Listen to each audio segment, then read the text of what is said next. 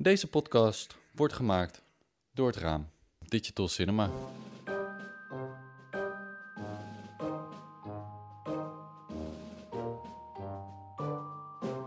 Dit is Achter het Raam, een podcast over cinematografie voor en door cameramensen.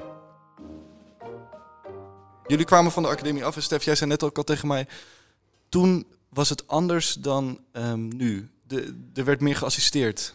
Nou, ja, ik, ik, eh, toen je, als je van, eh, van de eh, academie afkwam als cameraman, ging je ervan uit dat je gewoon een aantal jaren via assistentschappen, het zij in licht, in camerahoek, dat je je carrière ging om, opbouwen. En ik denk dat dat heel erg verschillend is met nu. Dat nu. Ik zie nu gewoon mensen van de filmacademie afkomen die gelijk Ja. zeg maar de stap DOP kunnen nemen. Ja. En, dus, Ja, je vergeleek het een beetje een soort met middeleeuwen, hè? Een soort... eh, nou ja, het, ik, ik, ik denk dat het. Ik, middeleeuwen had je vroeger het systeem. ver weg. Nou ja, niet zozeer dat, dat ik met die tijd, maar je had eh, de middeleeuwen had je systeem van leerling, gezel, meester of zo. Ja. De- de- zeg maar dat traject. eh, ha- had ik het idee dat dat vroeger meer was dan dat het nu is. Ja. Ja. Ja. precies. Want nu zeg jij, mensen komen er vanaf en, en zeggen gewoon gelijk, ik, ik ga draaien. En Ja, ik ben... ja, en- Had jij dat ook, Niels? Was dat toen bij jou ook al zo? Of ben jij gelijk veel gaan eh, draaien? Mm, Ik ben begin wel iets gaan draaien, maar dat waren allemaal hele kleine, eh, kleine filmpjes, kort. En, eh, en, en- maar ik ben eigenlijk ook vrij snel gaan assisteren. Eigenlijk, Ja, als, eigenlijk toen ik op de academie zat, assisteerde ik al. ja, en na de academie dus ook. En dan ging je poelen? Ja. Of, Ja, je, je was focuspoelenassistent. Ja. En, en ik heb eigenlijk heel lang bij één cameraman gezeten, vast. En dat, was dat? dat was Frans Bromet. Frans Bromet kennen we nu vooral van zijn, van zijn documentaire werk, maar was toen echt een speelfilmcameraman. Draaide veel Nederlandse films. En eh, ik was eh, vijf jaar lang zijn vaste assistent en heb iets van twaalf speelfilms met en hem dat, gedaan. jullie zeggen dat het eigenlijk veel normaler was toen. Om echt nog, eh, nadat je eraf kwam, dus je assisteerde gewoon eh, vijf, tien jaar. En daarna mocht je een keer gaan dromen van dat je zelf Nou, achter de camera stond. Niet zozeer droom, maar ik denk dat heel veel dat dat incalculeerde in je, in, in je carrièreverloop. Ja, dat was wel de heel, heel, heel standaard was Ja, voor heel veel mensen. ja. Dat, eh, Ik kan op zich wel, dat, dat is denk ik wel zo dat wij nu, omdat het misschien ook gewoon wat toegankelijker is om zelf nu te gaan draaien al vrij snel. Omdat je een camera hebt of kan Ja. kopen en het is niet per se heel duur meer. En- Zie jij daar voordeel van in? Ehm, om na je afstuderen eerst te assisteren? Soort rustig te beginnen eigenlijk? Nou, achteraf eh, vind ik zelf dat ik nog te kort geassisteerd heb. Ik, ik, ik vond het vaak heerlijk om, eh, zeker bij, in de tijd was het bij commercials, had je veel beroemde Engelse cameramensen kwamen hier eh, commercials draaien. En die hadden een soort uitstraling en een soort trucendoos of wat, waar je aan mee kon kijken, hoe zij het oplosten of zo. ja. Dus dat, eh, dat zag ik eh, van het systeem wel als een groot voordeel. Dat je eh, ook even nog gewoon in de luwte mee kan kijken hoe, hoe ervaren mensen het doen. Ja. Ja. Met deze week Stef Tijdink en Niels Post. Beiden studeerden af in de jaren 80 aan de Filmacademie. Stef ging al vrij snel veel documentaires draaien en dat doet hij vandaag de dag nog steeds. Niels Post heeft veel divers werk gemaakt, van grote speelfilms tot prachtige dansfilms. Toen was het gereedschap natuurlijk ook heel anders. Toen, Ja. was, eh, toen eh, nu is alles digitaal geworden. Toen eh, werd er al, al, al, al, nou, ik denk toch, ik denk bijna 90% nog gewoon film gedraaid. Ja. Dus dat zal ermee te maken hebben gehad. Dat het, Het heeft uiteraard ook de discipline veranderd. Ja, ja. Op set. Want, want ik heb het idee dat mensen, als ze nu naar de filmacademie toe gaan, dat ze al heel veel heel camerawijs zijn, omdat Ja. al die apparatuur al eh, binnen het bereik is. Ja. En dat was in de tijd niet zo. Je had nog, voordat je begon, nog niet gedraaid eigenlijk. Nou, op Super 8, zeg maar, al Ja. een film of zo, maar ik had nog nooit een 16 mm camera aangeraakt. Nee, dat lag niet binnen je, binnen je bereik. Nee, Dat nee. eh, het was Super 8, kon net. Ja. En Fotografie eigenlijk Ja, ben ik ja. mee begonnen. Ja, dat Ja. vooral hè. Ja. Ja. Want hoe zijn, hoe zijn jullie begonnen? Eigen- want wij hadden inderdaad eh, wat handycams, webcams, dingetjes. Daar is bij ons een beetje, mee, denk mee, soort de liefde voor film begonnen. Maar jullie hadden dus geen, dat, dat uiteraard niet. Dus het was fotografie. Of hoe, is- hoe is dat? Bij mij begon het bij fotografie en dat kwam eigenlijk omdat mijn vader eh, ook fotografeerde. Hij was eigenlijk eh, illustrator en, en grafisch ontwerper, maar hij, hij was ook een goede fotograaf. Dus als klein jongetje zag ik eh, naast, me, naast, naast mijn kamer was, was, het, was de doka op de gang. Oh ja, ja, ja. En dan was hij een nachtje aan het rommelen en dan werd ik wakker en dan hingen daar allemaal prachtige zwart-wit afdrukken.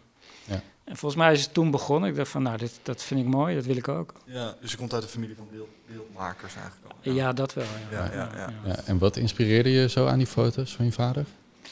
Nou, ik vond het een heel mooi proces. Hè, dat je, dat je, je maakt een foto en dan ga je met een vergroter en dan kan je een beetje spelen met eh, licht en donker. En eh, dat vond ik heel fascinerend in met chemicaliën. Kijk, als klein jongetje dan denk je, oh, wat gebeurt er allemaal? Ja, ja, Het is precies. niet, eh, het Een is- soort magie, hoe die foto Ja. ervoor schijnt. dat zat er nog wel in. Ja, dat Dus nu, nu is het ook sinds alles digitaal is, is dat minder magisch. Magisch. En jij, Stef, ook fotograf- gefotografeerd vroeger? Ik heb eh, in mijn jonge jaren ook gefotografeerd, maar ik heb het nooit. Ik kom niet uit een cultuur van beeldmakers. Nee. Ik heb nooit eh, gedacht dat dat een beroep zou zijn. Dat is een leuke hobby of zo. En het heeft misschien met mijn afkomst te maken. Misschien, ik kom uit de provincie of zo. Eh, Iets als een filmacademie wist ik helemaal niet dat dat Nee, nee. bestond. Ik ben later, kwam ik in Groningen terecht. Toen ben ik me daar fanatieker en meer in gaan verdiepen. Heb ik ook cursussen gevolgd. eh, ook super art. En toen is pas eh, in me opgekomen, oh, je kunt er ook een vak van maken. Ja. En ik ben daarom ook vrij laat op de filmacademie gekomen. Ik was 25 toen ik erop kwam. Oh ja. Dus, eh, Ja, toen kwamen wij eraf. Ja. dus- ja, maar dat maakt in principe natuurlijk helemaal niks uit. Nee, nee, nee, nee, nee. Maar het maar het is meer zo, als ik terugdenk hoe het ontstaan is, dat ik heb als zeg maar in mijn kinder of in mijn puberjaren veel gefotografeerd. Ja. En eh, later, toen ik eh, het huis uitging, ik kwam in Groningen, ben ik eh, me in filmen gaan verdiepen. Ja. Hm. ja. Dus Daar, daar, begon, daar begon het eh, voor jullie eigenlijk. Ja, de, ja. De, de, Voor mij dat dan. Ja. Ja, en wat moet je dan, wat moet je, dan vraag me dan altijd, wat moet je nou hebben om dan eh, om op zo'n filmacademie te komen? Ik vond dat zelf toen heel, heel lastig, weet ik nog. Dat ik dacht van ja, filmacademie klinkt ver weg en eng. Wat je zegt, ik, wij, ik kom ook uit de, meer uit de provincie en uit de, echt uit de Randstad. Hm.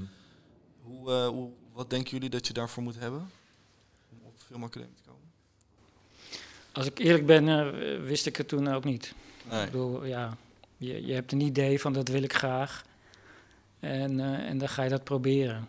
Ja. En eh, dan, ja, dan vraag je informatie op en dan uh, zegt ze, nou je moet werk meenemen. En dat mochten foto's zijn, het mag een filmpje zijn. Ja. Dus dan, ja, dan ga je aan de slag. Ik ben trouwens de eerste keer afgewezen. Ja. En eh, misschien ook wel terecht hoor. ja. Oh, dat was bij mij ook Ja. de eerste keer afgewezen. Volledig terecht als ik daarop terug...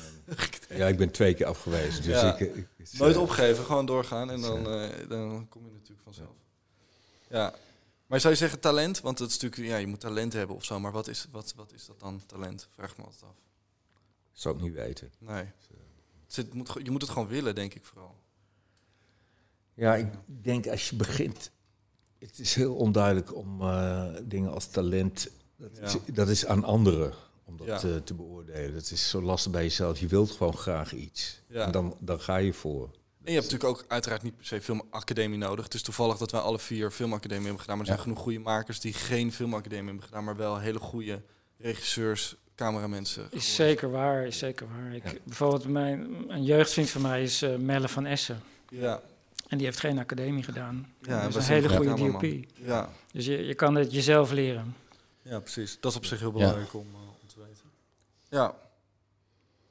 Ja, wel, welke weg hebben jullie be- bewandeld? Oké, dus filmacademie gedaan. En, en hoe is het daarna? Want jullie zijn nu ja, ervaren, veel gemaakt. Welke weg hebben jullie, Stef? Hoe is dat bij jou ge- gelopen? Nou, ik, Dat je nu de documentaires in beland bent. ik, eh, nou, de, eerste, de eerste paar jaren heb ik kleine dingen gedraaid. En voornamelijk leefde ik van het assisteren. Ik heb ook lichtassistentie gedaan in, in, in die, die hoek. Toen ik begon te draaien, zat ik meer in de opdrachtfilmsfeer en in de meer fictieachtige dingen. En op een bepaald moment werd ik, werd ik voor een document, ben ik in, en dat was in 93, werd ik voor twee documentaires benaderd. Ja.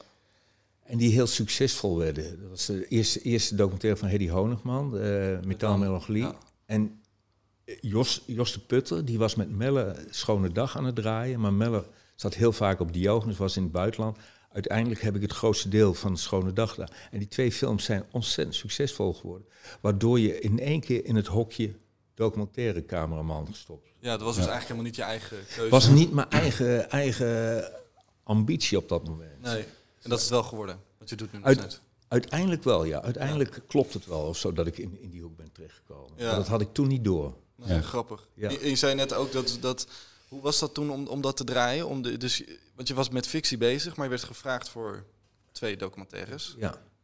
En dat, dat was anders dan, dan wat je gewend was dus, om te draaien. Ja, ja, ja, ja. Nou, de Schone Dag kon je, kon je wel... eh, Het is een vrij gestileerde documentaire. Daar, daar- ik, eh, als ik terugdenk, denk ik heel erg het benaderde zoals ik een eh, opdrachtfilm of een fictiefilm eh, draaide. Ja,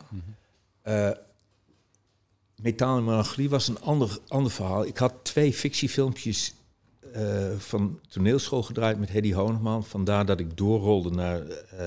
Metaal. En dat was een hele andere manier van draaien, waar ik mezelf heel onzeker bij voelde. ja. Heel erg direct, ruig. En eh, toen ik het gedraaid had, had ik zoiets van, nou, ik weet het niet of Ja. zo. Uiteindelijk het is het allemaal goed uitgepakt of zo. Maar, en, en als ik er nu terugkijk, denk ik, oh ja, het heeft toch wel wat, gewoon een manier van draaien. Ja. Dus, eh, maar ik was me daar niet zo bewust van. Het was veel intuïtiever, veel eh, directer. ja, grappig. Ja, heel, Dus op die manier uiteindelijk de documentaire Ja. wereld ingerold. eigenlijk wel, ja. En Niels, jij zei net dat je, dat je dus dansfilms eh, een soort niche in, in, in zat. Wat, hoe is dat gebeurd? Nou, dat, die dansfilms zijn ontstaan omdat ik eh, op de filmacademie zat, zat ik in de klas bij Clara van Gool. Eh, die, die heeft vanaf begin eh, dansfilms gemaakt, hoewel ze ze zelf liever niet zo noemt. Oké, hoe noemt ze ze zelf? Nou, het zijn haar films, haar Oh, ja, Clara ja. van Gogh films. Ja. Maar eigenlijk op de academie eh maakte ze al films waar in ieder geval beweging in zat en geen dialoog. Oh ja. Waar meer gesproken werd met het lichaam zelf. dus Ja. zelfs. En dat heeft zich heel erg ontwikkeld tot, tot, tot echte dansfilms. En ze heeft volgens mij al twee gouden kalveren gewonnen. Nee. En een Emmy Award voor een eh, BBC-productie die we samen hebben gedaan. Dus eh, dat zijn, het zijn heel interessante films om te doen. Ja, want wat, wat is dat anders? Dra een dansfilm draaien? Waarom is dat anders? Of is dat anders? Ja, nou, het is wel anders omdat je, hebt, je hebt geen dialoog en je, hebt, je, je maakt eigenlijk puur met ritme en beweging maak je eh, een, een verhaal. Ja. Ik vergelijk dansfilms vaak een beetje met, eh, ja, meer met poëzie dan, dan met, met eh, een roman of zo. Echt een soort bewegend gedicht waar je naar. naar Ja, dat- ja dat, zo kan je het noemen. En eh, de, de aanpak is ook wel anders. Ik bedoel, je moet, je moet Ja, je cameravoering moet meer spreken dan misschien wanneer. Want soms ja, het gaat, het gaat, meer al, al, gaat al meer over beweging en licht en, en ritme. Ja, Dan, dan ja, als je twee mensen tegenover elkaar zegt die iets aan elkaar vertellen, dan, dan draai je dat ook best wel snel weg. ja, precies. En dan is je cameravoering misschien ook wat onzichtbaarder. Of tenminste, dat gevoel. Kan, hoeft niet. Nee, hoeft natuurlijk niet. Maar eh, als, ik kan me voorstellen dat je met je camera een dansfilm. Ben je, ben je dienstbaar aan de dans? Hoe zie je dat? Ja, maar de films die ik met Clara doe, dat zijn, dat zijn geen registraties. Dat zijn Nee. echt, echt eh, films die van begin tot eind eh, uitgedacht zijn. eh. Ja. En toch een verhaal ook vertellen. Ja, het is begrijp- vaak een nauwe samenwerking met een choreograaf. Ja, En Dus, eh, de- ja. ja, hoe begin je daarmee met een dansfilm? Hoe bereid je dat voor of zo?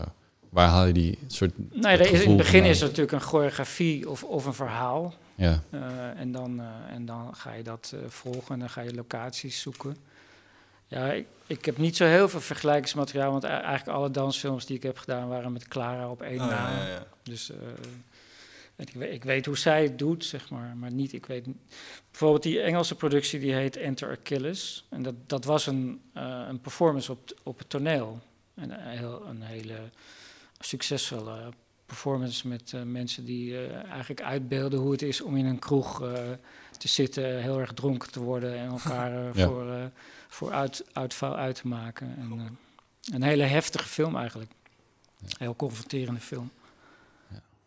Dus jullie zijn eigenlijk gewoon heel goed op elkaar ingespeeld of zo. Het soort van, ja, Ja, uiteindelijk, wel- eh, na al die jaren, eh, verbazen mensen zich eigenlijk eh, altijd over hoe weinig we communiceren op de set. Ja.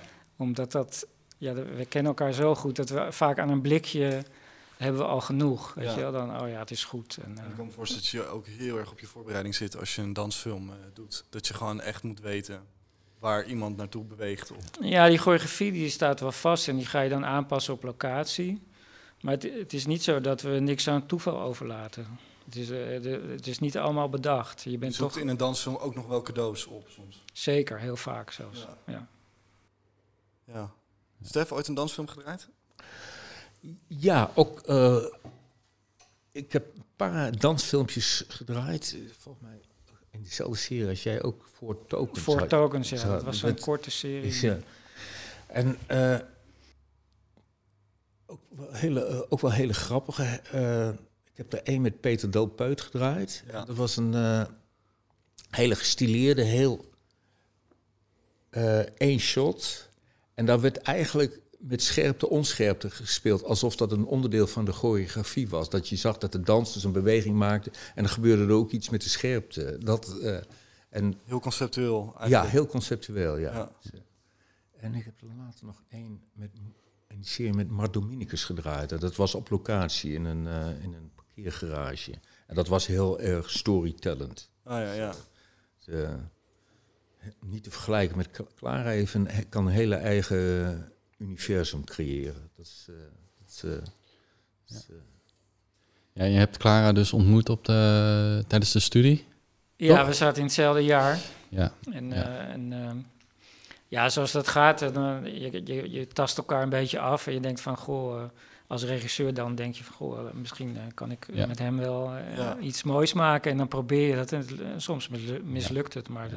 als het lukt en, en je, je kan de rest van je carrière dan samenwerken, dat, dat, is, dat is eigenlijk wel heel belangrijk, vind ik, van die academie. Dat je, daar doe je toch je eerste contacten op ja. die je eigenlijk je hele carrière eh, kan gebruiken. ja, is dat voor, voornamelijk tijdens je studie waar je de Nou, meeste of misschien de meest waardevolle contacten op doet? Of? Nee, het is eigenlijk zo, en dat is natuurlijk waar we het net over hadden, is dat assisteren heeft mij eh, uiteindelijk heel veel ge- gegeven. Omdat je als assistent krijg je eigenlijk makkelijker werken. Die, Ja. die, die, die zijn gewoon Dat nodig. zijn altijd nodig, ja precies. Ja, en als je een beetje goed bent, dan word je veel gevraagd. Ehm, dus, maar daar leer je mensen kennen. Ik bedoel, ik, mijn eerste stage op de academie was bijvoorbeeld bij Siska de Rad, was een Ja. klepperloder. Nou ja, dan kent Matthijs van Heiningen, die weet wie je bent. Dat heeft geresulteerd later, toen ik al wat meer zelf ging draaien, dat, dat hij me gewoon voor een speelfilm heeft gevraagd. Als ik, als ik die... Als ik Siska de Rad niet had geassisteerd, wist hij niet wie ik was. Je hebt, Siske de, eh, of, eh, sorry, je hebt uiteindelijk via, hij was regisseur en hij heeft. Nou ja, als eh, producent was Oh, Matthijs van Heiningen. Mijn eerste speelfilm eh, draaide ik in, eh, wat was het, 91. Ja. Zeg ik het goed? Ja, volgens mij. Ja. Eh, dat was gewoon puur omdat Matthijs van Heiningen een film had gezien die ik had gedraaid. Een korte film van, eh, van 50 minuten. En die zei, ja, dat vond ik wel een leuk filmpje. En eh, wil je mijn, eh, mijn volgende speelfilm draaien? Ja, ja graag. Ja, ja, precies. Ja, ja. Want dan, dat is, dan heb je het dus over een nieuwe, eh, een, nieuwe regisseur waar je mee gaat werken. Dat vind ik ook altijd een heel interessant eh, eh, vraag. We hadden het net bijvoorbeeld over Peter Delpeu, waar jij Stef natuurlijk vaak mee hebt gedraaid. Dat zijn allemaal mensen die, je- die je kent. En jij hebt met Claire, toch? Zeg je aan een blikje hebben we genoeg? Eh, met eh, Clara. Clara, sorry, Ja. Clara. Aan een blik heb je soms genoeg. Maar als je, als je met een nieuwe regisseur gaat werken, doe je dat vaak nog? Dat je met een nieuw iemand op, op pad gaat? ik doe het af en toe wel, ja. ja. Dus, eh, En Eh, nou ja, je wordt soms wel eens benaderd door regisseurs omdat ze je werk kennen en vinden het interessant om met iemand te werken die meer ervaring heeft als hun. Ja, precies. eh, en eh, ja, dat gebeurt soms. Ja, en, hoe, steeds, en ja. hoe, ga, hoe ga je om met een... Want ik vind, dat vind ik altijd een van de, ja, ja, moeilijk, of in ieder geval interessant proces... dat als je een nieuwe, met een nieuwe maker gaat wat zijn dan de, soort de eerste dingen die je vraagt of waar je over praat? Hoe zien jullie dat? Ja, ik, ik probeer erachter te komen wat voor verhaal die wil vertellen met het project waar, waar die mee bezig is. Het vaak zijn het helemaal geen gesprekken over techniek of wat dan ook. Het is Eigenlijk de, de eerste paar keer is proberen gewoon erachter te komen wat voor verhaal iemand te vertellen heeft. En of kijken of er een persoonlijke klik is. Dat je elkaar, eh, dat, elkaar nodig? kunt aanvullen. Dat je meer kunt worden als zonder delen. Dat, Is dat echt nodig, een, een persoonlijke klik, naar jouw mening? Voor als je een ik wel, ja. Voor mij is het belangrijk, ja. Dus, eh, ik, Ja. kan, ik kan niet functioneren als... eh, Nee. dus, eh, dat is echt... Dus het, dus het aftasten is bela- bela- belangrijk in. Eigenlijk wat jij net ook, ook zegt. En waar gaan die, die, waar gaan die gesprekken over, die eerste dingen die je gaat bespreken? Ik vind eigenlijk als, als je gevraagd wordt voor een gesprek van eh, eh, we, we vinden het interessant wat je maakt, maar laten we eens afspreken. Dat vind ik best moeilijke gesprekken, want ja, Ja. daar gaat eigenlijk nergens over. Nee, precies. Ja. ja. Dus eh, dat- ja, ik, ik heb liever dat het over een film gaat waar een script is. Dat je kan lezen en dat je een idee kan hebben van nou, dat zou ik zo en zo doen. En dan kan je het maar samen met de regisseur daarover hebben. ja. En een heel vrijblijvend gesprek van eh, vinden we elkaar leuk, ja, dat, dat vind ik lastig. Ja, dat is Ja. moeilijk. En als, je dan, als er dan een plan is, bedoel, je, je, je weet dat je samen iets gaat maken, er is een plan. Waar, hoe begin je met het vormgeven van, wanneer krijg je iets in je hoofd? Nou, maar kijk, kijk eens, die, gesp- die gesprekken die zijn altijd naar aanleiding van een plan die er is. Ja, Maar dus, dus de, en over, over zo'n plan ga je het hebben. Zo. En dan probeer je erachter te komen wat voor verhaal er precies vertelt. In documentaire ligt dat nog vaak nog heel veel opener dan Ja. in, in fictieprojecten. Dat, eh, en bij documentaire is het ook belangrijk, inderdaad, om, om te kijken of je met elkaar gewoon in diezelfde richting terechtkomt. ja. Dat, eh, Ja. Van het project benaderen. Zelfde gedachtegang. Ja. Want je hebt ongetwijfeld ook wel eens een project meegemaakt waarbij er geen klik was met een regisseur. Dat, kan, dat werkt dus nadelig voor jou, of niet? Ja, nou, ik, ik, denk, ik denk dat. Ja, het, Ja, dan- ik denk niet dat, dat we dan eh, het project hebben kunnen maken wa- wat, Nee. wat hij voor ogen had. je wordt belemmerd in bepaalde Ja, opzichten ja, misschien. dus, eh, ik ben niet zo iemand die puur zeg maar profe- professie en persoon eh, kan Ja. scheiden. Ja, precies. Dat ligt dan Ja. dicht, dicht bij elkaar. Dit Eén is in dit vak ook heel lastig, lijkt me. ja. Om dat eh, puur uit te schakelen, als een soort, dat je een soort technische rol hebt. Ja, zakelijk Ja, sta je Dat daarbij. werkt niet. nee.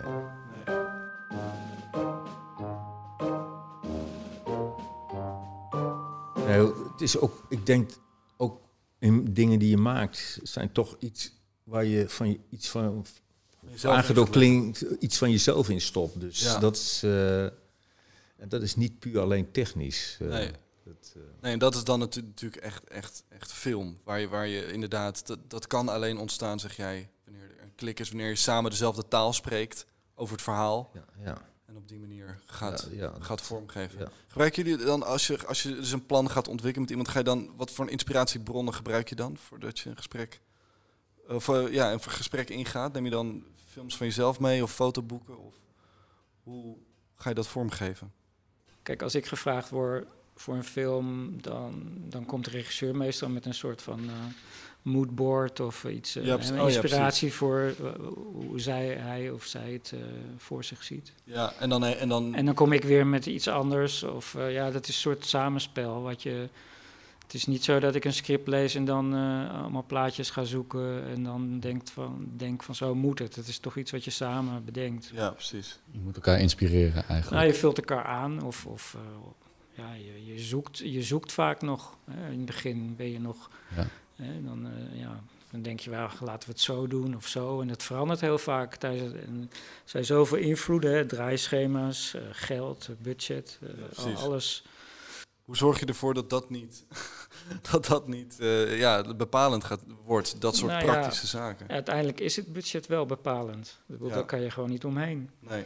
Je kan allerlei mooie dingen verzinnen, maar als je er geen geld voor hebt, dan eh, kan je het beter eh, niet willen, want dan zit je jezelf in de weg. Ja, Ja. precies. Dus je maakt in het begin ook wel keuzes op basis van eh, wat er kan. Ja. En ontmoeten jullie wel eens regisseurs die soort bij het eerste gesprek of het tweede gesprek of zo gewoon een soort al een heel sterk idee hebben qua vorm eh, en dat eigenlijk heel graag willen uitwerken. Maar maken jullie wel eens mee dat het bij jullie niet aansluit of zo? Dat je daardoor nou, zeg maar een soort af wil haken eigenlijk? Of dat je echt ergens tegenaan loopt, denk ik. Ja, dat de regisseur te stellig is op zijn eigen idee. Nou ja, daar, ik, ik vind het altijd wel leuk dat regisseurs gewoon heel uitgesproken zijn. Ja, Maar je probeert het ook inhoudelijk te checken. Of, of het, eh, soms heb je regisseurs die heel erg op de stijl, op de vorm hebben. En inhoudelijk vrij eh, nog niet onderbouwd hebben.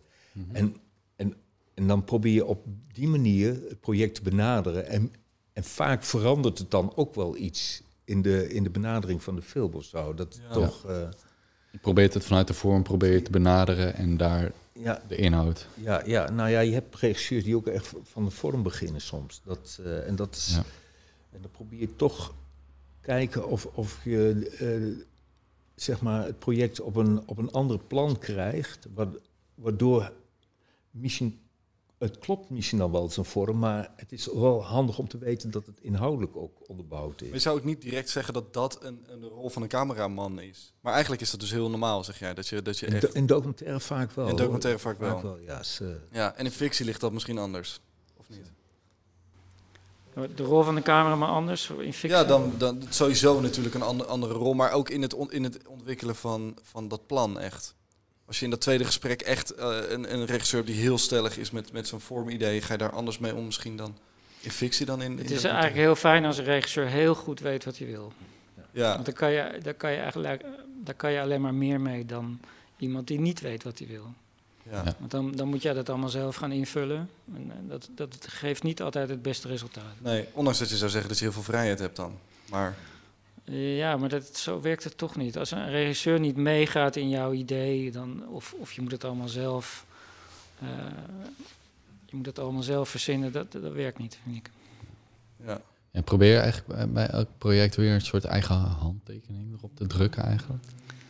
Nou term ja, ook, maar- Ja, ik weet het, wat- er is wel eens een cameraman die heeft gezegd van eh, als je, als je graag een eigen stijl wil als cameraman, dan moet je, dan moet je maar fotograaf worden. ja.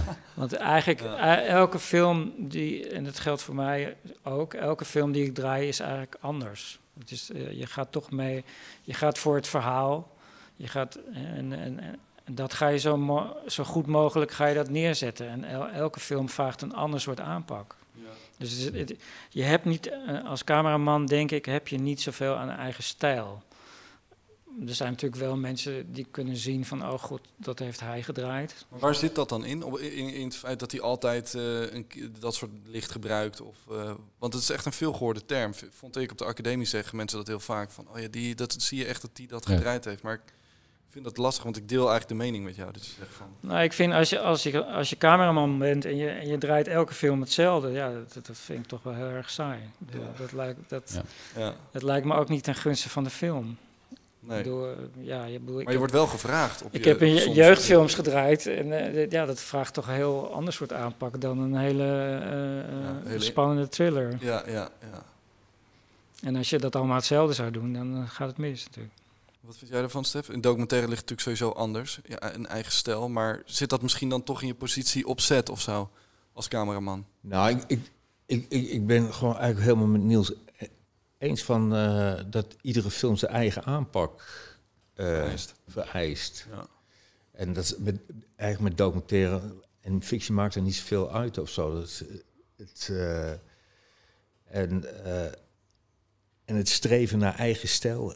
Ik, ik, ik, eh, snap die term niet. zo ik, ik, nee, ik snap het ook vaak niet, wat, Nee. wat, wat ermee bedoeld wordt Ja. of zo. Je- Waarschijnlijk heb je, iedereen heeft wel zijn eigen hang-ups, hoe die dingen aanpakt. Ja, Maar het is voor een kamerman ook heel prettig om juist uit die comfortzone gedouwd te worden. Ja, zo, om dingen bent- anders ja. op te lossen. Dat, eh, en, en waardoor je achteraf daar heel blij op bent. Of zo, dat je ja. Jij bent eigenlijk helemaal niet bezig met eigen stijl of zo. eigen stijl... Ik ben wel bezig met de stijl van die film. Maar niet, Ja, ik weet niet wat een eigen stijl is. Want het, nee, precies. eh, Ja, het is, zit hem, maar het zit er misschien ook, wat, wat jij ook vaak zegt, is, eh, 90% van de tijd heb je die camera niet op je schouder, maar naast je hand. En dan ben je ook cameraman, toch? Op Ja, een ja, documentaire ja, set gaat het ja. vaak op de momenten dat de camera niet aanstaat. ook dat, ja, ja, ja. Ja, Ja, ik denk bij documentaire is denk ik je persoonlijkheid wel belangrijker misschien nog. Ja. Omdat je, je komt vaak bij mensen thuis en dan, dan moet je een soort contact maken.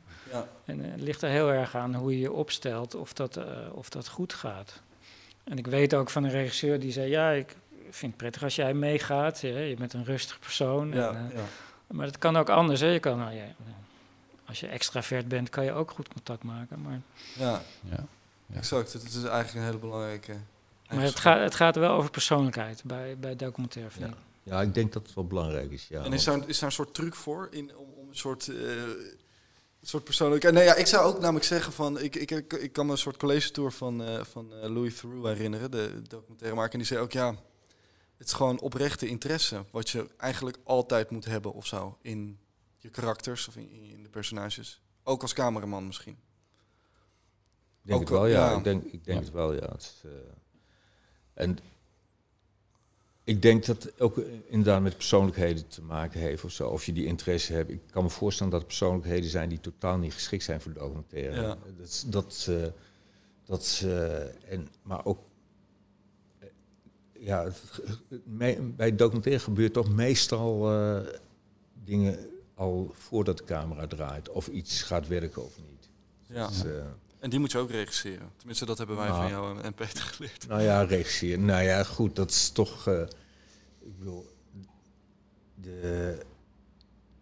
Nou ja, die, eh, je, moet in ieder geval eh, zorgen dat er een situatie gecreëerd wordt waardoor het verhaal waar je na- naar je op zoek bent op, op, op een manier eh, voor de camera zich gaat plaatsvinden. Ja. Zonder, zonder dat, dat je het gevoel hebt dat, eh, dat je daar invloed op uitgeoefend hebt Ja. of zo. Ja. En dan kan ik natuurlijk vragen, hoe doe je dat? Maar ja, dat is Ja. natuurlijk ja, een soort van altijd verschillend. En, Ja. En Aanvoelen of zo, Ja. eigenlijk. Ja. Want jij bent begonnen met fictie. Je hebt daarna nou, die twee documentaires gedraaid. Ehm, En daar heb ik ook nog wel wat, wat Ja. fictie gedraaid, ook, eh, ook wat speelfilms. kan- ja, precies. Kan jij nu zeggen dat je dat documentaire jou gewoon qua karakter meer ligt? Ik denk Qua eh, pas, persoonlijkheid? eh, documentaire past meer, meer bij mijn persoonlijkheid, denk Ja. ik. Dus, Ja. En ik, voor fictie is toch, ik, eh, heb je ook een ander talent nodig. Je, eh, het is toch ook een managementachtige functie. Je moet organiseren. Eh, eh, ja, en dat is iets, iets waar ik minder sterk in ben. Ja, dat Dus ook in ja. is, het is toch. Ja, het zijn. Fictie en documentaire zijn beide manieren om een verhaal te vertellen. En ik heb altijd het idee, bij fictie heb je meer personeel nodig. En, dat is, en daar moet je mee kunnen handelen. Dus, Ja, precies. Hey, nou had je het net over, vond ik ook nog wel interessant, over dat, dat uit die comfortzone stappen. Is dat iets wat, wat jij zegt, ik zoek dat nog wel op, of ik vind dat leuk als in... Nou ja, ik vind het vaak leuk als, als je met nieuwe regisseurs werkt, die je daartoe uitdagen. Ja. Zo, dat die ook iets zoeken of zo, wat, wat ze ook vaak niet onder woorden kunnen brengen, maar dat ze iets zoeken wat niet, ook voor hun niet standaard is en ook niet voor mij standaard. Ja. Wat het is, weet ik niet hoor, maar het is toch. eh, Ja. want je kunt. Kijk eens, door ervaring kun je alles wel in, je, in een bekend ABC'tje oplossen, filmtechnisch, maar daarmee wordt film niet interessant. Nee. Je bent toch wel op zoek naar een benadering. eh, ik wil niet zeggen altijd origineel, maar gewoon toch een, een, een benadering die, eh, nou, die je zelf ook nog verrast. Ja. Creatieve oplossing eigenlijk. In plaats ja, van wat het ook is. Ja. Ja. Niels, stap jij vaak uit je comfortzone? Comfortzone? Als ik uitgedaagd eh, word, wel. Ja. Ja, uit mezelf misschien niet zo snel. Nee. Ja, dat is natuurlijk ook, ja, dat doe je Ja. natuurlijk liever niet, maar je moet uitgedaagd worden. Maar die moet je die uitdaging opzoeken, zou je zeggen. Ja, dat kan. Eh, ik heb in, in die zin heb ik eh, best veel bewondering voor de wat jongere generatie eh cameramensen. Die, die hebben een soort vrijheid, vind ik vaak, in hoe ze iets draaien. Waar ik best wel jaloers op ben. Ik, ben. ik ben zelf natuurlijk heel erg gevormd in die tijd dat iedereen zei, ja, het moet zo en eh dat moet je zo uitlichten. En, Ja. eh, en dat, he- dat heb ik natuurlijk allemaal gedaan en daar ben ik ook wel van losgekomen. Maar ik had daar, ik had daar meer moeite mee, denk ik, dan de generatie die er nu is. Die, die, die, heeft, daar, die heeft veel minder belemmer, belemmering. Ja. Zie ik tenminste. Maar misschien is dat de, ook gewoon grotendeel. Het is toch een deels een technisch vak. We hebben natuurlijk veel over inhoud nu, maar dit, eh, wij, de techniek, eh, wij is zo omhanden voor eh, jonge generatie mensen die Ja. nu op de filmacademie zitten of er naartoe willen. die hebben nu kunnen op alle camera's en dingen draaien, waardoor misschien vrijheid al wordt aangeleerd. Dus kan. toegankelijker. eh. Nou ja, in de zin dat het minder geld kost als je, als je fouten maakt misschien. Ja. Hè, ik bedoel, ja. Kijk, ik was vroeger was ik bezig van, eh, oh, een flairtje, nou, dat moet weg, weet je wel. Nu, nu denk ik van, ja, mooi. Ja, precies. ja, Ja, Ik probeer hem erin te krijgen. ja. Maar nu die schij je met een zaklampje bij. ja precies. eh, Zo, ja. op de Madbox. Nee, dat, dat kan nu al. Ja, dat kon toen ook. Maar die, die vrijheid, die, die werd je ook niet gegund of zo. Dat was, Nee. eh, regisseurs waren ook behoudender, ook in shots, weet je wel. Gaat het de goede kant Ja. op, die, vind je dan? Ik denk het wel, ja, Ja. ja. zeker. Ja, want hoe meer gekke... Want jij zei net ook tegen mij, Stefan, als ik als een regisseur graag op een iPhone wil draaien, dan... eh, Ja. Toch? Dan geen probleem. Nou, als het project er geschikt voor is, dan, eh, dan, dan eh, kan, kan ik me heel goed voorstellen dat een project op een iPhone of iets dergelijks draaien. Ja, Het, eh, Ja. het is, voor mij is zeg maar de hele, die hele equipment, het is ge- gereedschap. En je zoekt gewoon het juiste gereedschap wat bij dat project past. ja. En dat kan bij wijze van spreken van een iPhone tot IMAX of zo. Hè? Ja, dus, ja. dus daar kan het tussen bewegen. dat zit allemaal Ja. in die gereedschapskist. En je moet gewoon zoeken eigenlijk naar het juiste Ja. stukje gereedschap om je film mee. Ja. Ja, dat, dat zeg ik ook altijd. Mensen vragen vaak, eh, heb je een eigen camera? En zeggen nee, heb ik niet. Eh, Ja. Ik zoek voor elke productie iets wat daar geschikt voor is. Ja, op zich denk ik een hele wijze Ja. les voor veel mensen. Want ik denk dat in onze, voor onze generatie veel kijken snel naar techniek. Gaan we het op een Alexa draaien of op een Red of whatever en wat voor lenzen dan. Terwijl eigenlijk, zeg maar, ja, de winst zit hem eigenlijk daarvoor dus. Als ik, eh, eh, tenminste, dat is wat op de academie ook wel veel geleerd wordt aan ons hoor. Maar dat, Nou, de keuze is heel groot. We hebben ons, eh, toen wij begonnen met draaien, het grootste gedeelte van mijn filmcarrière draaide ik of 16 of 35. Meer had je niet. Ja, je had, je had Ja. video, maar dat wilde niemand. dus die hele digitale ontwikkeling hebben wij meegemaakt. ja, En, en nu is er zoveel keus. dat mensen daar zich misschien een beetje in gaan verzuipen of zo. Dat, dat- Ik vind ook wel verpand dat je nu bijvoorbeeld heel vaak eh, eh, op websites van cameramensen zie je waar het op gedraaid is. ja, klopt. Eh, dat is opeens heel belangrijk geworden. dat was vroeger niet. bedoel, denk ook dat het je, deels- je zei Ja. niet van dit is op een Arri gedraaid of ja, ja, op een Aton. Of dat, dat was niet belangrijk. Nee. Dat was gewoon film. Ja. Ik denk dat het ook een stukje nieuwsgierigheid is of zo. Ja, ik denk wel misschien juist door het aanbod wat er Ja. is of zo. Dat iedereen toch het het lijkt wel alsof of mensen zich dan beter voelen als het op een, een, een dure camera is gedraaid. Terwijl ik, ik heb laatst nog een dansfilm gedraaid op een eh, Blackmagic Pocket. Ja, Eh, ja, een heel klein formaat camera waar ja, professionele cameramensen misschien van zeggen, ja, is dat nou wel een goede keus? Ja, voor die film was dat een goede keus. Ja, Ja, precies. en het Right. kan in je voordeel werken dat de camera klein is en handbaar. Eh, dat, dat, dat moet je niet onderschatten. Ja. Kijk, eh, ik vind een Alexa een geweldige camera. Maar het is wel een groot ding en eh, dat kan je in bepaalde eh, situaties in de weg zitten. Ja. Als je een camera licht is en je kan hem makkelijk oppakken en je kan er heel vrij mee bewegen, ja, dat, dat levert wat op. En dat is misschien wel belangrijker dan dan aantal stops, eh, range, Ja, dynamisch wat, ja, wat hij heeft. Ja. Waar het heel veel over gaat, ook op internet. Tenminste, wat ik veel lees, en is, zijn toch veel technische tests en dit soort dingen. Ja, Ja. Kijk, heel veel discussies verzanden in een soort eh, ja, techniek en eh, wat is goed. En, ja, ik Ja. heb me daar nooit zo aan gestoord. Ik eh, bedoel, als, ja, je moet werken met wat je hebt. ja. En als het dan... eh, Daar zit ook de, je kracht in. Als je dus met, met die iPhone moet draaien straks en, en je hebt één LED-panel, dat je daarin, eh, daarmee gewoon haalt wat je... Ja, wat, gaan halen. wat, wat waarschijnlijk nodig is voor dat project. Ja. Zo. En dan blijkt het ook de juiste keuze te zijn, Ja, hoop je dan. nou, we hebben, we hebben het hier nou steeds over camera's, maar het, ga- het, gaat, het vak gaat eigenlijk heel erg over licht ook, vind ik. Eh, Ja. en hoe- wat voor licht gebruik je, wat maak je voor licht.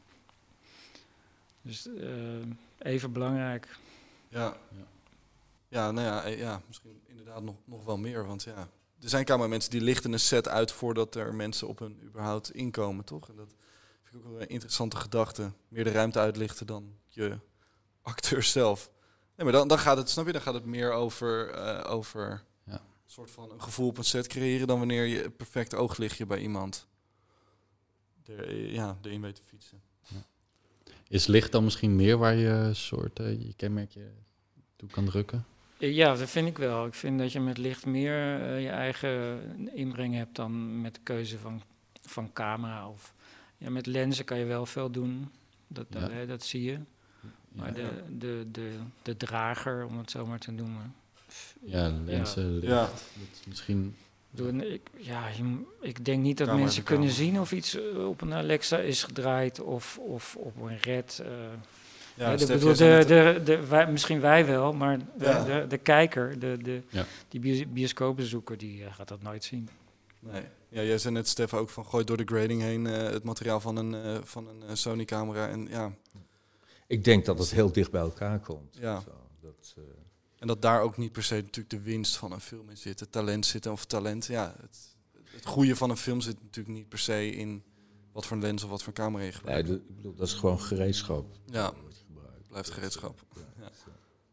Dus, eh, Ja. Maar wat Niels zegt, ik, ik vind zelf ook, ook bij documentaires, ik vind licht ook ontzettend belangrijk. Ja, want het is natuurlijk eh, ander, anders voor jou. Jij kan niet een hele set uitlichten voordat je eh, binnenkomt. Als je Nou, een documentaire draait. Ja, maar, maar je, het voordeel van documentaire is dat je heel snel leert licht te, te, te zien in een ruimte of zo. Ja. En dat je dan ook gewoon eh, met dat in je hoofd gewoon je cameraposities ten opzichte van, van de personages heel snel. dus je leert met bestaand licht heel, heel snel te werken.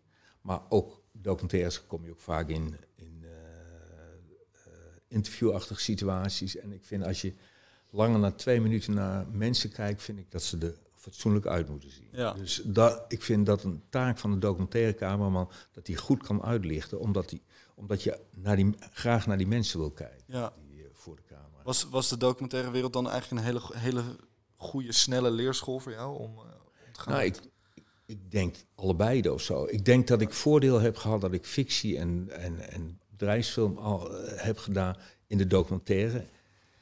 En de documentaire heeft me vrijer gemaakt in de fictiehoek. Dat, is, eh, Ah, ja. dat er zijn sommige documentaires die vragen om stilering. Dan heb je wat aan het feit dat je in, in de fictiehoek dingen hebt gedaan. En in de fictiehoek is het heel handig als je documentaire hebt gedaan, dat je heel snel gewoon, je komt altijd in situaties terecht die je niet van tevoren kunt. eh, en het is heel handig dat je gewoon de manier van denken, vrijheid van denken, wat je in documentaire noodgedwongen moet aanleren, kunt toepassen in fictie. Zonder dat je je stijl verliest van de fictie. Dus, eh, Maar je, je, je hebt bij fictie heb je ook hele banale dingen die eigenlijk ervoor zorgen dat je bepaalde keuzes maakt. Ik heb, ik heb vrij veel eh politie-series gedaan voor de VARA. ja. Eh, en daar was eigenlijk de tijd die ik kreeg, en het aantal locaties per dag en, en, het, en het budget bepalend voor heel veel keuzes. Je kreeg, je, we wilden bijvoorbeeld, de producent wilde bijvoorbeeld geen generator mee. Dat betekent dat we alleen lampen meenamen die eh, gewoon eh, op het huis geprikt konden worden. ja. Nou ja, dat heeft consequenties. Dan Ja, moet je anders, anders een ander plannetje bedenken Ja. dan, eh, dan een grote bak licht naar binnen laten komen. Ja, ja. Eh, ik heb ook hele sets met TL-bakken laten volhangen. En eh, dat je ook gewoon heel snel kon draaien. Ja. Eigenlijk dingen waar, waar gewoon plannetjes bedenken. Ja. En, en daardoor haal je de, de, de snelheid en, en om zo'n serie te kunnen doen. Ja. Wat uiteindelijk gewoon belangrijk is. Ja, en dat heeft ook. ja, de locaties werden ook gekozen op, op afstand. Niet, niet op mooiheid of op geschiktheid. Gewoon ja, een- half uur reizen maximaal. Ja, harde realiteit eigenlijk. Ja, Want en daar misschien- moet je ook mee om kunnen gaan. Je krijgt niet altijd het mooiste van het mooiste voorgeschoteld. En daar moet je toch iets van maken.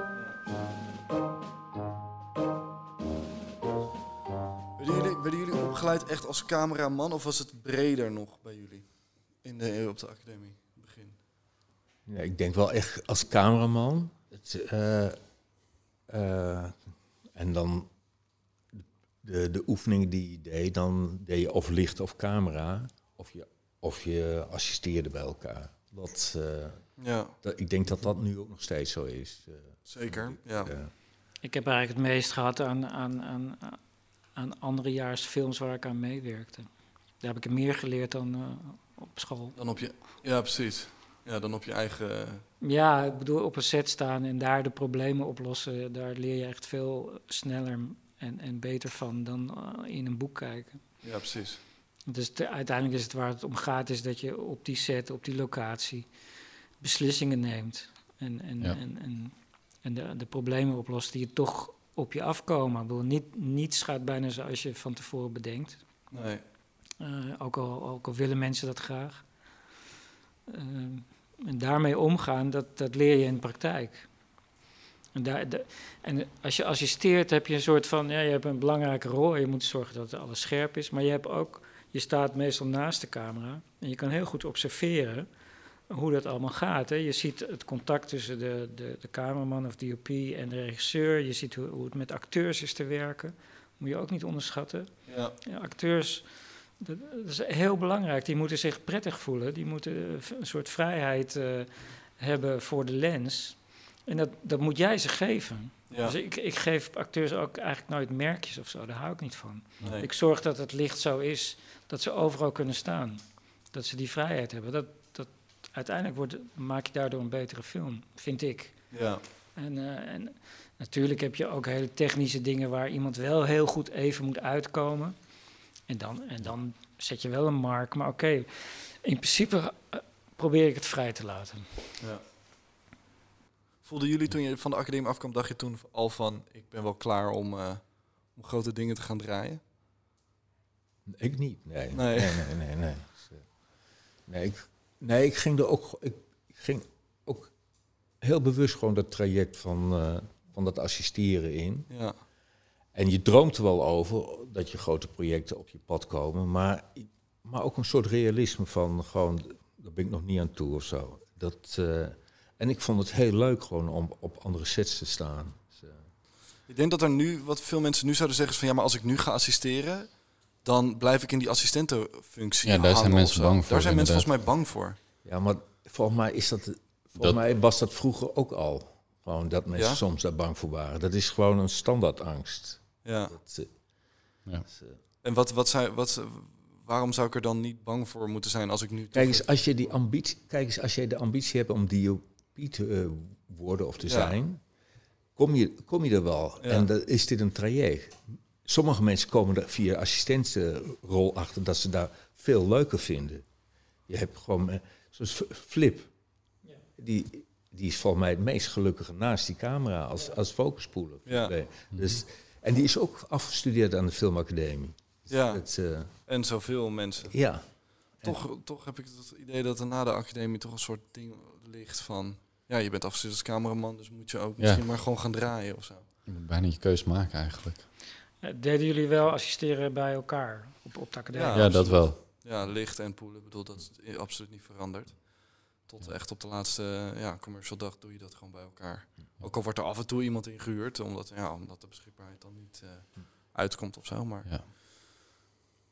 ja, Ja, het, ja, het wordt je gewoon verteld. Een soort, en ja, Nou, ja, ik zou nog steeds graag prima willen assisteren. Hoor. ja. Maar- En mensen die nu veel draaien, zouden die dan van onze leeftijd, hè, zouden die dan eerder al een soort opbra opbranden, klinkt heftig, maar kan me voorstellen dat het een rustige aanloop is als je tien, als je tien jaar assisteert en dan een keer gaat draaien, dat je dan echt een hele sterke basis hebt gelegd waar je verder op kan draaien.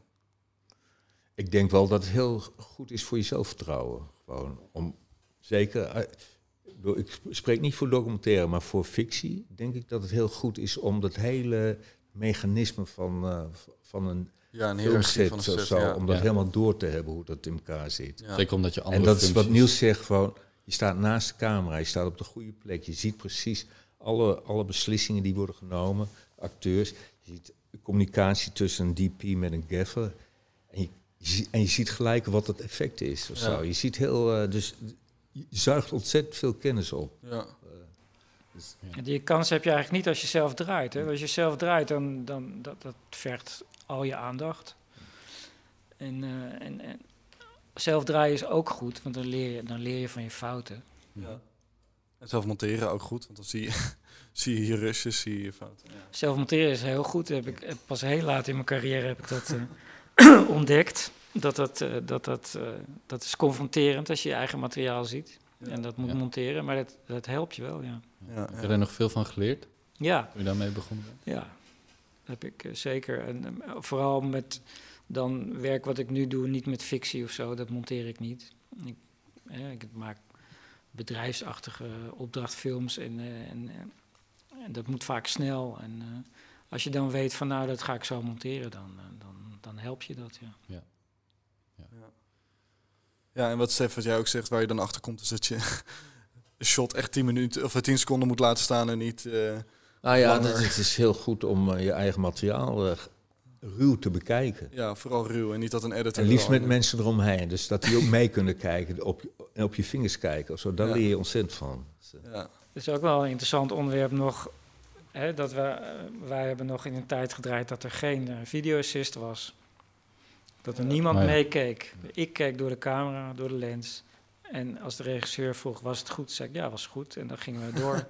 ja, en, Ja. en dat is echt, echt veranderd. Hè, er staat nu een hele crew omheen. Ja, allemaal heeft een mening, mening. hebben. Ja. Best lastig. best lastig. Ja. Hoe Zullen- ervaren jullie ja. dat? Ja, dat is. Eh, ik eh, ervaar, ik kan me heel goed voorstellen dat het wel. Ja, ik ervaar, je voelt die ogen een soort van branden door die BNC-kabel ja, nou, die man. in je viewfinder. Maar het is, ik kan me heel goed voorstellen dat het lastig is, al die meningen op een set. Ja, zie je daar ook voordelen van in? Zeker, ja. Je, je, je hebt geen discussie eh, achteraf. Hè. Eh, Als je op film draait, dan, dan, dan bepaal je als cameraman heel veel. En wat, wat blijft er donker? Wat, eh, wat zie je wel, wat zie je niet? En eh, een regisseur kan, hè, als hij dan de rushes ziet, eh, eh, Ja. de film in de projectie, kan die voor verrassingen komen te staan. En dan, dan is het natuurlijk een discussie van, eh, ja, waarom heb je dat gedaan? Ik ben het er niet mee eens. Of ik vind het wel heel mooi, dat kan ook, weet je wel. Ja. Maar het is altijd achteraf en je kan het nooit meer bijstellen. Op het moment dat je eh, met een monitor meekijkt eh, als regisseur of, of, of gaffer, dan, hè, dan kan je direct Ja. actie ondernemen. Dat, is, dat is natuurlijk een enorme vooruitgang eigenlijk. Maar als er nog meer mensen naast staan die zich ook overal tegenaan bemoeien. En soms hè, staat je camera net even de verkeerde kant op en dan gaat iemand zeggen: Ja, is dat in beeld, is dat in beeld. Nee, ik zeg, ja, dat is het shot niet, weet je wel. Ja, Ja. precies. Allemaal tijdverspilling. Ja. De art directors helemaal, helemaal los. Ja. Maar er zit op zich... Er zit een voordeel Ja. aan, maar ik weet nog dat we... Stef, we hebben natuurlijk les gehad van jou op de academie. Toen moesten we met, eh, waar we het eerder ook over hadden, de oefening dat, dat de regisseur gaat filmen en de cameraman gaat eh, regisseren. Waarbij als cameramensen niet mee mochten kijken. Ik vond dat eigenlijk een, een enorme eye-opener. In, eh, in de zin van de communicatie die je hebt tussen regisseur en, en eh, camerapersoon. Want ik draaide toen met iemand en toen zei ik, ja, een, draai maar gewoon een medium kader. En die regisseur draaide gewoon echt, het gezicht zat ergens onderin. en enorm veel hoofdruimte. En dan, dan kom je dus achter van, oh ja, dan moet je dus gewoon gaan afspreken wat een medium kader is. En wat een close-up is. En voor de een is dat weer anders dan voor voor de ander. Ik denk dat dat soort...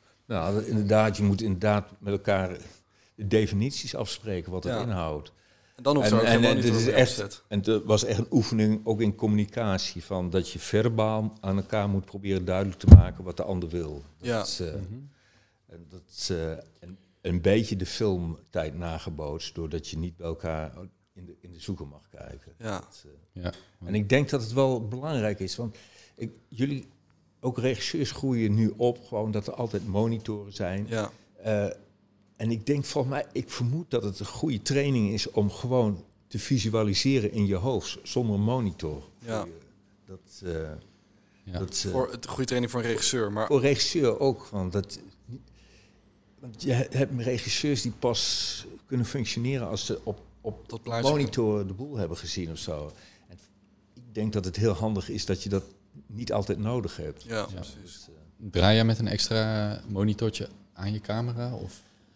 het is afhankelijk van regisseur. Ja, of die de dat ene wil. het wel, de ander niet. Ja. Ja. Acteurs vinden het soms ook prettig gewoon dat Ja. de regisseur niet via de monitor naar hun kijkt. Ja. Dus, eh, Met documentaire en fictie zit daar verschil in, denk je? Dat, eh, dat een regisseur naar zijn acteurs kijkt. Het is technischer. eh, Sl- je ik bent vond, bij fictie iets meer gedwongen, denk ik. ja, tuurlijk. Bij fictie is het ook technischer. Ik vind met documentaire vond ik het nog wel eens lastig dat een regisseur dan, dan toch graag een monitor wil of zo. Ja. Ja. Maar het is ook omdat het kan. Ja, ja precies. Ja, het kan. Dus ja. En het liefst draadloos. Ja, ook dat nog eens. Ja, precies. Ja. Want ben je eh, banger geworden eigenlijk, Niels? Ehm, om je shot te maken, zeg maar, als er... Ja, want eh, eerst had je dat monitoren meer, bij meer waren. vrijheid als in, ja, alleen ik zie wat ik doe, bedoel de rest. eh, Nou ja, de regisseur keek ook door de camera. Het is niet zo dat je Ja, al- alles alleen beslist. Ehm, nee, ik, ik, ik, ik, ik vind heel goed dat de regisseur mee kan kijken. Dat, Ja. eh, dat, daar ben ik helemaal niet op tegen. Maar dat de hele grote groep, en ik geloof dat dat in Nederland heeft iedereen iets te zeggen. En ik, ik denk dat dat in het buitenland anders is. Ik weet het niet helemaal zeker. Dat, eh, ja, maar de- daar is een, heerst een andere discipline. ja, in Nederland is, is men gewend dat eh, hè, de, de, de assistent van de grip, die mag ook iets zeggen. Maar Nou, ja, Ja, dat gaat Oh. een beetje ver soms. Karretje Ja. moet gewoon rijden. jij kan je daarvoor afsluiten. wel. Ik kan me heel goed afsluiten voor alles om me heen en, en, en, en me concentreren op wat er moet gebeuren. Ja. Ehm, zeker als er enorme chaos is op een set, daar word ik eigenlijk heel rustig van. Ja. ja echt. Ja. Eh, ja, en ook stil. En eh, mensen vinden dat soms ingewikkeld. Maar eh, ja, ik, ik doe dan mijn ding, zou ik maar zeggen. Ja. En eh, ik, denk, en ik denk dat dat ook goed is. Dat, eh, er moet, wel- iemand moet wel rustig blijven als het chaos is. Ja. ja, precies. Ik wil je eigenlijk gewoon bedanken voor het komen. En heel fijn dat jullie dit soort gedachten met ons eh, wilden delen. Ehm, ja. Ja. Vonden jullie het een beetje leuk? Ik vond het heel interessant, ja. En, Ja, leuk, ja. een, goed, eh, een goed initiatief. En eh, ik, ik ben eigenlijk ook benieuwd naar de volgende. Dit was Achter het Raam. Een podcast over cinematografie voor en door cameramensen. Heb je op- of aanmerkingen? Mail ons. info@hetraam.nl